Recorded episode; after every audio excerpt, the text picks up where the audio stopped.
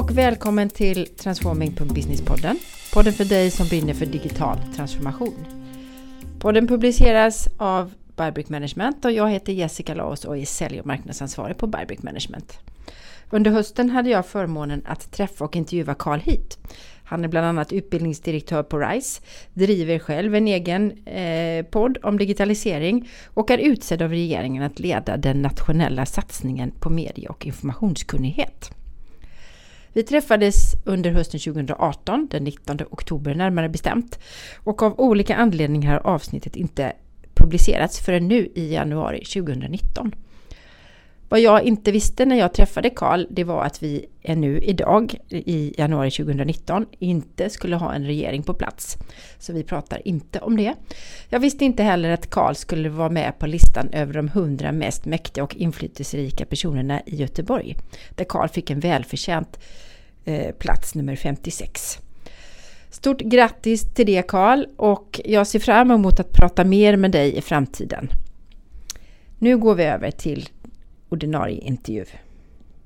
Idag har jag med mig en, en guru eh, av en guru inom digitalisering i allmänhet skulle jag vilja säga. Men eh, framförallt en guru inom kunskap och kompetens. Eh, digital kunskap och kompetens. Karl Hit. Uttalar du ditt namn så? Ja, det kan man göra. Ja. Det går bra. Hur säger du då? Jag säger Heath. Heath! Jag är ju oh, förlåt, Carl Heath. det, det, vanligaste är att man säger något annat än vad det, ja, vad det låter som. Så ja. det är inget konstigt. Nej, det är ett fint namn i alla fall. Jag, eh, vi träffades ju på eh, en föreläsning som du höll och jag blev så imponerad av det du pratade om. Vi ska gå in lite mer på det. Men för att introducera dig eh, så har jag en lång lista här. Du är utbildningsdirektör på RISE som då är ett forskningsinstitut. Ja precis. Vi är statens eh, forskningsinstitut så vi, vi är 2000, ja, 2600 personer ungefär som eh, jobbar med eh, att eh, vara en innovationspartner. Helt enkelt och ägs av staten och jobbar med både industri och offentlig sektor. Mm. Så, så himla coolt. Sen har du faktiskt eh, du har ett radioprogram uppkopplad som du sänder i P1. Ja, det stämmer. Du har också en egen podd, eh, Digitalsamtal, eh, tillsammans med Anders Thoresson. Det stämmer. Nu har jag en liten paus från den för jag, jag fick ett statligt uppdrag för en liten tid sedan och då får jag ta en liten poddpaus. Men ja. i övrigt så, så absolut, jag kommer att hoppa tillbaka igen för jag har lite så här eh, Poddabstinens. Ja, precis. Ja, tur att, att vi pratar här Ja, nu verkligen tur. Jag fortsätter min lista här. Du har också en Facebook-sida, Digital samhällskunskap med någonstans 9 000 följare va? Ja, snart är det 10 000 personer. Helt otroligt. Det är roligt. Ja. Jag lyssnade på en sån här Youtube-klipp och det var det 6 000 när du pratade om den. Så det mm. går fort? Ja, nej, men det har gått faktiskt ganska... Det har varit en hyggligt jämn utveckling av gruppen. Den har funnits i tre år. Och det är klart att det går lite fortare när det är fler personer som sen delar andra. Men, men det har varit en ganska liksom organisk eh, utveckling över åren i, i Facebookgruppen. Det, det är jätteroligt. Det. Ja, det förstår jag. Sen eh, som du sa det så är du, eller du nämnde det att du är utsedd av regeringen att leda en nationell satsning på medie och informationskunnighet. Ja, precis. Och det har ni precis startat igång va? Ja, eh, jag blev utsedd för en 6-7 veckor sedan och sånt där. Mm. Och, eh, så jag är i uppstartfasen. Det är ett tvåårigt särskilt utredningsuppdrag som handlar om att värna det demokratiska samtalet och jobba med medie och informationskunnighet och jobba med hur vi kan stärka resiliensen i samhället kopplat till utmaningar som propaganda, näthat och desinformation. Ja, vi ska prata om det sen. Det är jätteintressanta mm. ämnen tycker jag. Men är det något mer, alltså du har ju så många hattar, är det något mer? Nu har jag ju bara punktat upp och, ja, liksom nämnt. Vad har jag missat? Eh, nej men det är väl det som är det jag något? håller på med just nu ja. som är de större ba sakerna som det? jag roar mig med. Ja. Vad härligt, det är fantastiskt att ha dig här. Jättekul att vara här.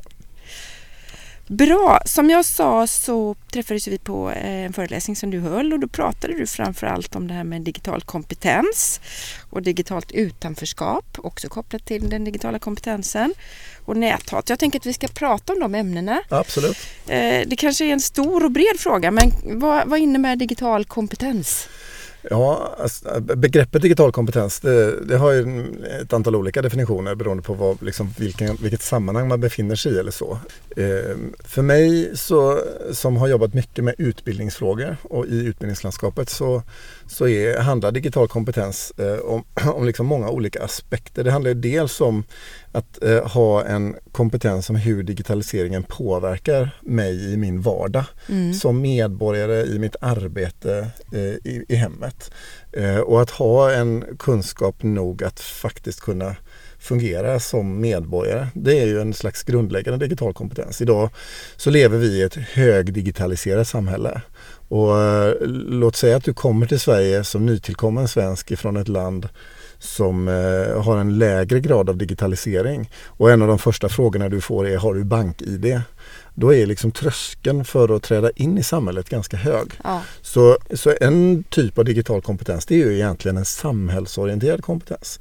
Men sen handlar det om andra frågor också som som eh, till exempel media och informationskunnighet. Att kunna förstå och kontextualisera det jag läser och göra en kvalificerad bedömning om det jag tar till mig är eh, rimligt eller inte och om avsändaren är begriplig och sådär. Det är också en digital kompetens. Och sen finns det ju den här mer praktiska digitala kompetensen om liksom hur installerar jag min eh, Tivo-maskin eller eh, mm. kopplar upp en telefon eller vad det nu kan vara för någonting. Så, så bredden av liksom den digitala kompetensen och vad man behöver kunna i samhället idag den är egentligen ganska stor.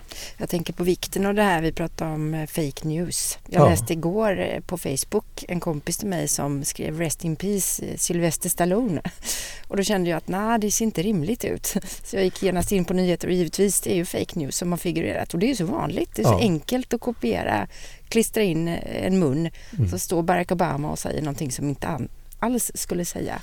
Ja, nej men verkligen så. Och, och det är Eh, det finns många utmaningar kopplade till det. En, en stor utmaning det handlar ju om tilltron i samhället. Alltså hur, när, vi, när sannolikheten att vi möter saker och ting som är svåra att värdera blir hög eh, så blir vi ju naturligen något mer försiktiga i hur vi förhåller oss till andra. Och eh, ett liksom välmående, öppet och pluralistiskt samhälle det förutsätter att vi kan ha en hög tilltro. Både mm. till samhället och staten men också till oss, till varandra.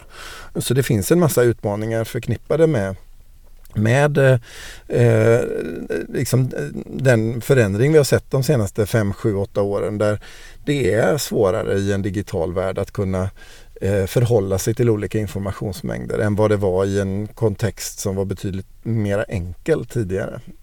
Du pratar om det här offentliga rummet som har förflyttat sig från Almedalen där man står och pratar till att faktiskt vara väldigt mycket större och enklare eller svårare med trösklar. Ja, alltså det offentliga rummet som begrepp är ju spännande tycker jag. Eh, det offentliga rummet som liksom idékonstruktion i samhället det handlar ju om att du och jag eller vem som helst som är här ska kunna stå på ett torg eller en gata eller någonstans och vi ska kunna prata med varandra och det samtalet ska vila på att jag vet att jag har åsikts och yttrandefrihet och det finns en grundlagsstadgad rätt för mig att få säga väldigt mycket och uttrycka mig och att du tar emot den informationen. Men i en digital tid så har ju mycket av det samtalet kommit att förflyttas ifrån torget till olika digitala miljöer. Mm. Och de digitala miljöerna erbjuder ju enastående möjligheter för oss att samtala. Jag hade ju inte kunnat eh, föra en dialog kring digitala samhällsfrågor utan en kontext som Facebook i det här fallet där jag kan prata med 10 000 personer. Nej, det... Eh, och det är ju enastående och det är oerhört kraftfullt och värdefullt. Så mm. det finns mycket styrkor i det. Men det finns också utmaningar. Och de utmaningarna de har vi börjat se mer i efterhand. Före vi ser alla nyttor och det fantastiskt positiva med det här så uppstår också problematiker och en sån problematik handlar om designen av det offentliga rummet i sig självt. För Facebook, eh, jag kan uttrycka mig på, på ett ganska fritt sätt på Facebook men jag är bunden till de villkor av hur samtalet ska gå till som Facebook dikterar. Mm. Det är ju mm. inte den svenska åsikts och yttrandefriheten och så vidare som ligger till grund för det utan det är vad Facebook tycker är okej och inte och jag godkänner det genom att bli en del av Facebook. Ja just det. Vad får du skriva, vad får du lägga upp för bilder och så vidare. Ja och, de, och där sätter ju Facebook gränser och vi vill att de ska sätta gränser också. Naturligen. Vi vill inte att det ska liksom vara liksom, eh, grova våldsbilder bilder som dyker upp när en 15-åring tittar och så vidare. Va? Så, så att de ska ha en slags liksom modererande roll och så, det tycker vi är okej. Vi ställer nästan krav på det. Eller vi ställer krav på det. Men sättet på vilket det går till och spelreglerna för vilket det går till, de är annorlunda på Facebook än vad mm. de är på torget. Mm. Och ur ett medborgerligt perspektiv som i Sverige, då är de spelreglerna olika och mina möjligheter att påverka och influera den offentliga kontexten i Sverige som medborgare genom en eh, demokrati är annorlunda än vad de är i min egenskap som konsument i relation till Facebook. Mm. Och Den här typen av liksom idétankar om vad betyder det offentliga rummet, hur funkar det, vilka krav ska vi ställa på de arenor för vilket det offentliga samtalet äger rum och så. Eh, de diskussionerna är viktiga för vi vill ju inte heller ta bort det här fantastiskt goda som har uppstått. Eh, skapa begränsningar som innebär att vi faktiskt försämrar ett samtal. Så, så det är inga enkla frågor är det inte. Nej, jag tänker också att Facebook är ju ett forum där man sprider mycket information som inte är, är sann och att man måste sålla där. Så i det offentliga rummet så, så har du plötsligt möjlighet också att sprida information och skapa opinion för saker som kanske inte ens egentligen existerar. Ja, eh, Dana Boyd, en eh, amerikansk tänkare, hon, hon lyfte en tanke som jag tycker är intressant i det här sammanhanget och det är att jag har rätt att yttra mig eh, men har jag rätt att bli amplifierad? Alltså har jag, har jag en rätt att min röst förstärks? För det är ju det de här plattformarna gör, vare sig det är Facebook eller Twitter och så vidare. Du tänker algoritmer och så eller? Ja, jag tänker att alltså jag har en Facebookgrupp med 1000, 10 000 personer snart. Om jag skriver någonting där så når ju min röst väldigt långt och Facebook Facebooks algoritmer förstärker min röst att kunna nå ut. Den, den erbjuder mig den ytan. Ur ett åsikts och yttrandefrihetsperspektiv så har jag ju rätt att uttrycka min åsikt och, men, men jag har inte någon rätt att få den amplifierad. Alltså jag har inte rätt, alltså det, det finns ingen liksom grundlagsstadgad rätt för mig att jag ska nå ut lika långt i ett socialt sammanhang som någon annan eller sådär. Va? Men det är ganska lätt för oss att förväxla eller blanda ihop de här två mm. olika begreppen. Det som är min rätt att liksom bli hörd kontra eh, i vilken mån jag har en räckvidd med min röst. Och, och de sociala medierna förändrar förutsättningarna och spelreglerna för vilket just räckvidd eh, går till. Och det är en sån sak som som, som skapar en liksom utmaning i debatten. När vi liksom i en tid före sociala medier när det bara fanns papperstidningar och, och radio och tv. Mm. Då var det ett fåtal redaktörer som dikterar villkoren för vem som har möjlighet att förlänga räckvidden på någons röst. Idag så är de spelreglerna annorlunda. Men våra system och strukturer och vårt offentliga samtal har inte riktigt än så länge anpassat sig för denna nya verklighet. Utan här pågår det liksom olika idéer om hur det här samtalet ska gå till beroende på hur van du är med de här medierna, hur du befinner dig i dem, hur, du, hur etiketten är på dem och så vidare. Och, och där har vi ju en pågående samhällsdiskussion som är, som är viktig. Mm. Jag tänker på ungdomar som växer upp och som faktiskt blir vår framtida arbetskraft som kommer ut. Absolut. Det, och du, du pratade lite om ändrade spelregler. Vi ser ju också ändrade spelregler på eh, samhället i stort vad det gäller robotisering. Ja. Och, och, jag tänker du som kommer driva och driver utbildningsfrågor. Eh, när robotiseringen tar instegsjobb mm. för ungdomar eller folk som kommer ut i skolan så kommer det ställa krav på både företag men också på utbildning. Ja. hur ser du utvecklingen framåt? Alltså jag tänker så här att om man backar bandet ordentligt till början av industrialismen. Ja. Eh, då i Sverige, då hade vi 90% bönder och ett mycket litet antal i fabriker. Ja. Men sen industrialiserade vi Sverige under en 40, 50, 60 årsperiod och vi såg en enorm förändring i samhället. Från att du var dräng eller piga så kom du att jobba i en fabrik mm. och i den transitionsperioden från ett liksom agralt jordbrukssamhälle till ett industrisamhälle då insåg vi i samhället att oj, här behöver alla kunna mer. Man behöver ha andra kompetenser för att kunna funka i det här nya industrisamhället. Och parallellt med det där och för att också kunna liksom förstå och vara en del av liksom det framväxande Sverige. Och då skapade vi 1842 folkskolan. Vi skapade folkbibliotek, folkhögskolor och så vidare. Eh, och gradvis i takt med att samhällets komplexitet har ökat så har vi sett allt större behov av fortbildning och utbildning. Mm. Det vi ser nu med industrialiseringen är ju en eller digitaliseringen, det är en ny utveckling som handlar om att hastigheten har blivit så pass hög så jag inte kan förvänta mig att den kunskap jag har läst mig till på högskolan kommer vara tillräcklig för mig under mitt yrkesliv. Nej. Utan jag kommer behöva ny kunskap betydligt oftare. Mm. Och än så länge så är våran samhällsekvation vad gäller utbildning fortfarande i allt väsentligt modellerad på ett industrisamhälle. Vi läser och pluggar och grejer och idag trädde vi in i arbetsmarknaden i snitt vid 26-27 års ålder, något sånt där i mm. Sverige. Och vi har ett pensionssystem som innebär att vi går i pension vid 65 men där vi lever tills vi är 88. Ja. Idag. Vi kommer Idag. bli ännu äldre. Nej, men precis. Ja. Och det kan man ganska snabbt räkna ut att den här ekvationen den är högst problematisk. Ja. Vi kommer med stor sannolikhet behöva jobba mycket längre. Men man kan också fundera över den där tiden vi utbildar oss fram tills vi är 27. Ska den ligga där? Ska den vara omfördelad under livet på ett annat sätt? Hur är statens relation till utbildning mm. eh, på det stora hela? Ska, ska den stora satsningen vara i början av livet? Ja, till delar kommer den ju naturligtvis behöva vara det. Vi behöver behöver en grundskola som är bra, en gymnasieskola som är fantastisk. Men, men när det kommer till högre utbildning så tror jag att vi behöver tänka mer kring relationen mellan liksom vad det är att utbilda och vad det är att gå i arbete och jobba i arbete och att hitta en mycket, mycket mer flexibel relation mellan utbildningsinstitutioner och arbetsmarknaden. För arbetsmarknaden behöver ny kapacitet, ny ja. kompetens men mycket, mycket högre snabbhet än vad vårt produktionssystem idag klarar av att leverera. Mm. Och den ekvationen, alltså hur vi gör för att modellera om spelplanen för det, den är jätteviktig för oss. För den är en av de här nycklarna. Sen är det en annan utmaning och det är ju för den målgrupp av aktörer som är har en lägre utbildningsnivå. Eh, eller där automatiseringen skapar eh, stora utmaningar och vi har sett det i samhället både under industrialiseringen men också i, närtid. Alltså när vi ser arbeten inom industrin eh, bli kraftigt digitaliserade och det kräver en omskolning av arbetskraft mm. och där man kanske också behöver mindre personal av en viss karaktär och ny personal med annan kompetens. Och då sker det ju en kompetensväxling. Så jag menar idag har vi ju en enorm arbetsbrist inom många olika yrkeskategorier. Så, så samtidigt mm. som vi också har arbetslöshet och det handlar ju om matchningskontexten och, och både den här liksom matchningen, hur vi hanterar eh, människor som behöver en annan typ av kompetens.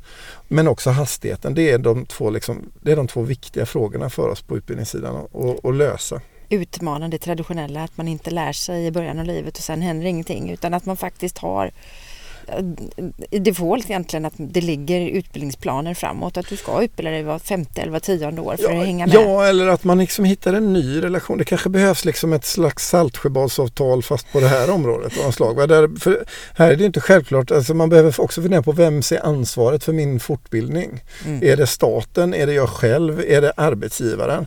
Eh, här ser det olika ut beroende på din livssituation idag och så. Men jag skulle nog säga att vi behöver liksom lyfta på locket och titta på hur den ekvationen också ser ut. Mm. Så vem tillhandahåller vilken utbildning? Hur ser det ut? Idag har vi ju en arbetslöshetsförsäkring Eh, för att lösa ut en situation där jag inte går vidare i arbetet av något skäl mm. och har arbetsbrist. Men, men eh, det finns ju idéer och tankar idag på utredningsplan kring till exempel motsvarande kontext fast på kompetensutvecklingssidan. Mm. I olika länder löser man det här på, på olika sätt. I, I Hongkong där jag var eh, strax före sommaren där har man till exempel gjort på det viset vad gäller lärare och lärarfortbildning att de när eleverna går på sommarlov då går de tillbaka i skolbänken varje Just år det. under då, ett antal då, veckor. Då tränar de, trainer, då tränar de, ja. Mm. Så då går lärarna in i lärarutbildningen och lär sig nya saker mm. som en kompetensutveckling varje år. Det är ett helt annat sätt att tänka relationen arbetsplats, eh, högskola och, och, fortbildning. Så jag tror att man kommer behöva se massa nya sådana här liksom modeller och idékonstruktioner. Mm. Superspännande verkligen. Ja, och det finns väldigt mycket att göra på det Ja, området. men det gör ju det. Jag mm. kände mm. när vi pratade om det, det bara växer. Ja.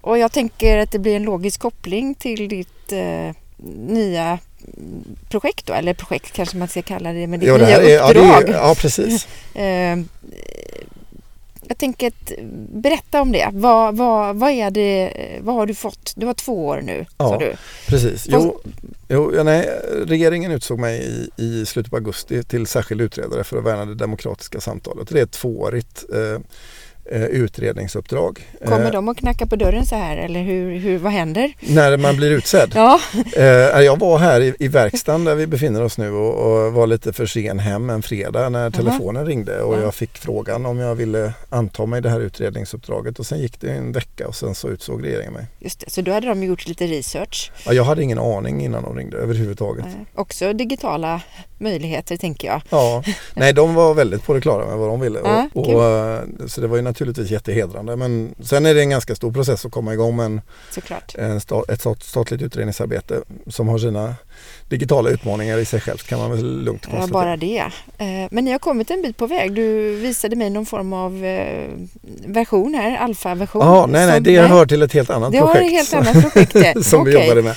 Men eh, nej, mitt utredaruppdrag det, det har precis börjat. Det Det har löper över, ö- över två år och där är jag sex veckor in i, i, i det arbetet och håller precis på att rekrytera en kommitté och personal och grejer. Så, så, så där är jag precis i den första kurvan av inläsning och att förstå vad den. Typen av arbete betyder. Nej, det du tänker på som vi precis har börjat lansera det ligger inom ramen för mitt arbete på RISE Ah. i, ehm, i, i vår utbildningsproduktion. ber du gör så mycket bra saker så det är så svårt att hålla koll. Ja, ja, Ja, nej, det är men- inget konstigt. Nej, vad som är fallet i det sammanhanget, det är ett projekt vi har jobbat med och det är verkligen ett projekt som du var inne på, som vi har jobbat med i, i skarpt läge sedan i våras och i en tidigare förstudie. Och det är ett uppdrag för, eh, från Näringsdepartementet via Tillväxtverket där vi stödjer Tillväxtverket i att ta fram nätbaserade utbildningar i digitalisering för små och medelstora företag, framförallt inom eh, tillverkningsindustrin, men det kommer kunna gå att använda Mm.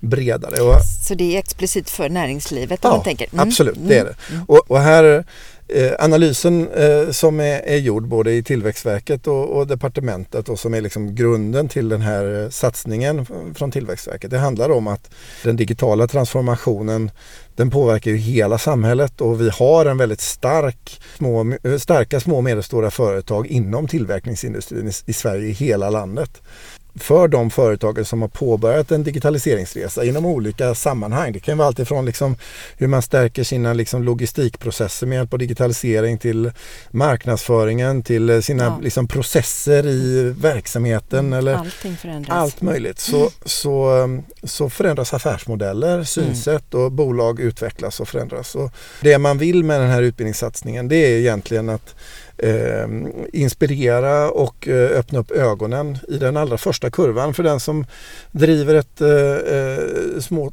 eh, litet eller mellanstort företag eller jobbar med utveckling på det bolaget, sitter i en ledningsgrupp eller vad det kan vara för någonting. Där man känner att nej, men, det här har vi hört talas om men jag vet väldigt lite. Det finns Mm. massor av buzzwords, AI och Ja, big data och eh, som inte alla förstår. Nej, och, och det är inte självklart. Liksom, varför skulle jag förstå dem om de precis Nej. har dykt upp och kommer från någon helt annanstans? Och vad den här eh, satsningen som vi nu jobbar med att ta fram eh, gör, det är att den förklarar de här begreppen. Eh, sätter dem i en kontext, förklarar vad betyder digital transformation, vad betyder det att eh, genomföra en digitalisering i ett eh, tillverkningsorienterat företag.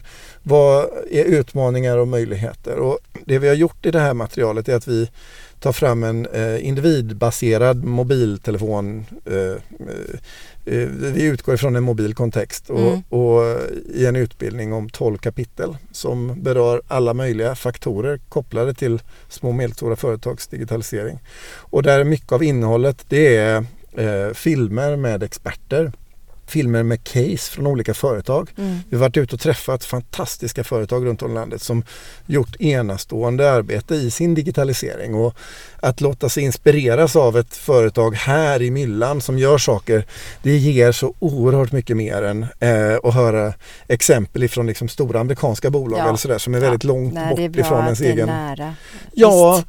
det är det. Det. Men det är också annan typ av digitalisering. Alltså om jag, alltså, vi har varit i företag alltifrån liksom tvätterier till de som gör tryckbalar eh, och som går ifrån liksom produkt till tjänst till Mm. mm.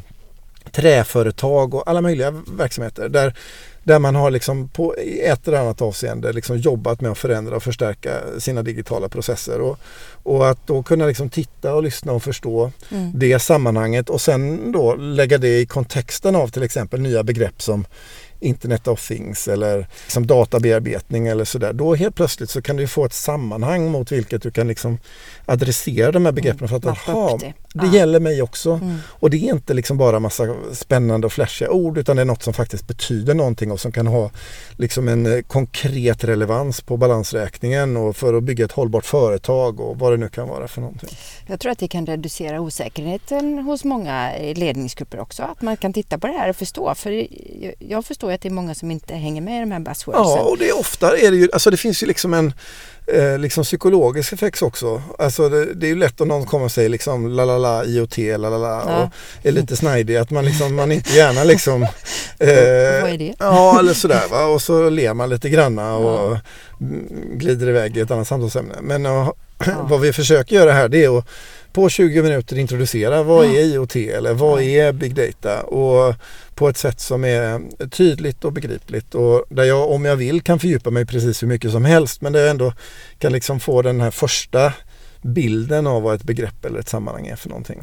Du har en favorit där bland filmerna vet jag som du pratade om, eh, Fanhultstvätten. Ja, det är, det är ett tvätteri. Ja, det finns en, ett tvätteri eh, utanför Älmhult, eh, Fanhultstvätten som, som eh, är ett familjeföretag där Majvor Svensson jobbar som eh, har jobbat med digitalisering av den här tvätten sedan tidigt 80-tal.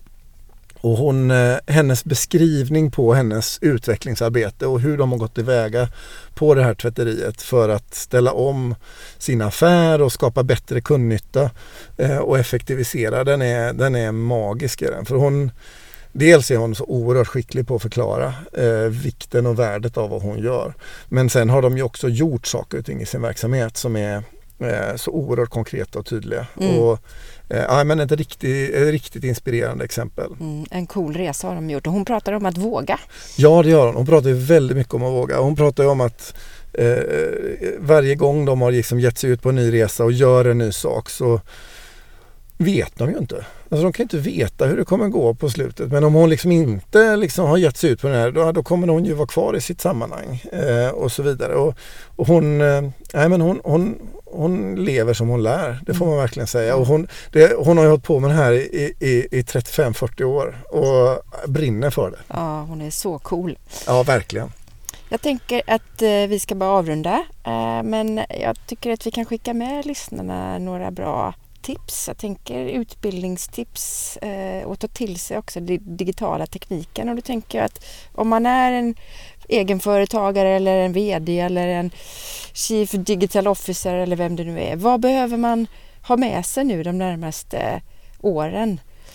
Alltså om jag bara skulle ge några konkreta tips skulle jag säga att den här utbildningen som vi nu pratat om den heter Dags att digitalisera och den kommer att eh, dyka upp under våren på verksam.se. Så när man går in och gör sina bolagsärenden och vad det nu kan vara mm. någonting så kommer man kunna hitta den här utbildningen där.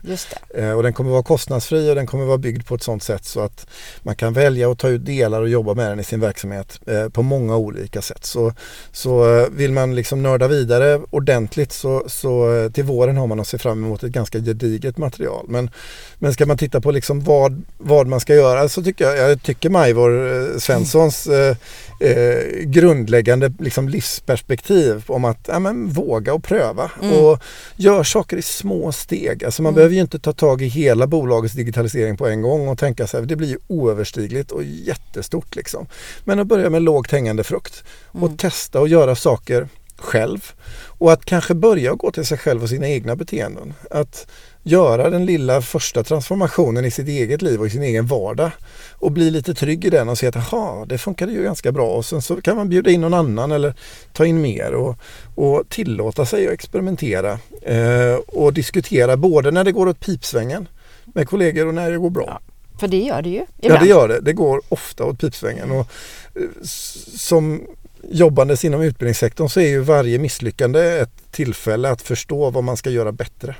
Jag hörde igår att eh, jag lyssnade på en föreläsning om att vdn på Microsoft varje månad har, sänder en sån litet eh, alltså tv eh, eller inspelat där han pratar om sina misslyckanden som han har gjort. Just för att man ska ha den här experimentella så det tror jag är jätteviktigt. Att ja, det, man ska våga och Ja det tror jag och det, alltså, skapar man den typen av kultur där det är accepterat mm. att dela och bryta ner och förstå att det här handlar om saken vi pratar inte och inte om dig som person. Det är inte du som är dålig Nej. bara för att den här processen gick åt pipsvängen.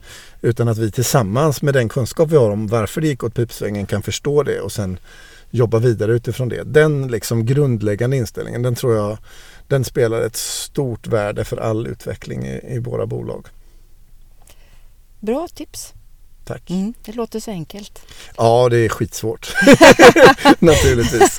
Det är alltid så med de enklaste tipsen är de svåraste att göra. Ja. Men du, stort tack för att du eh, tog dig tid Ja, och var med. Mm. Eh, Tack. Bra, Ja. tack. Hej.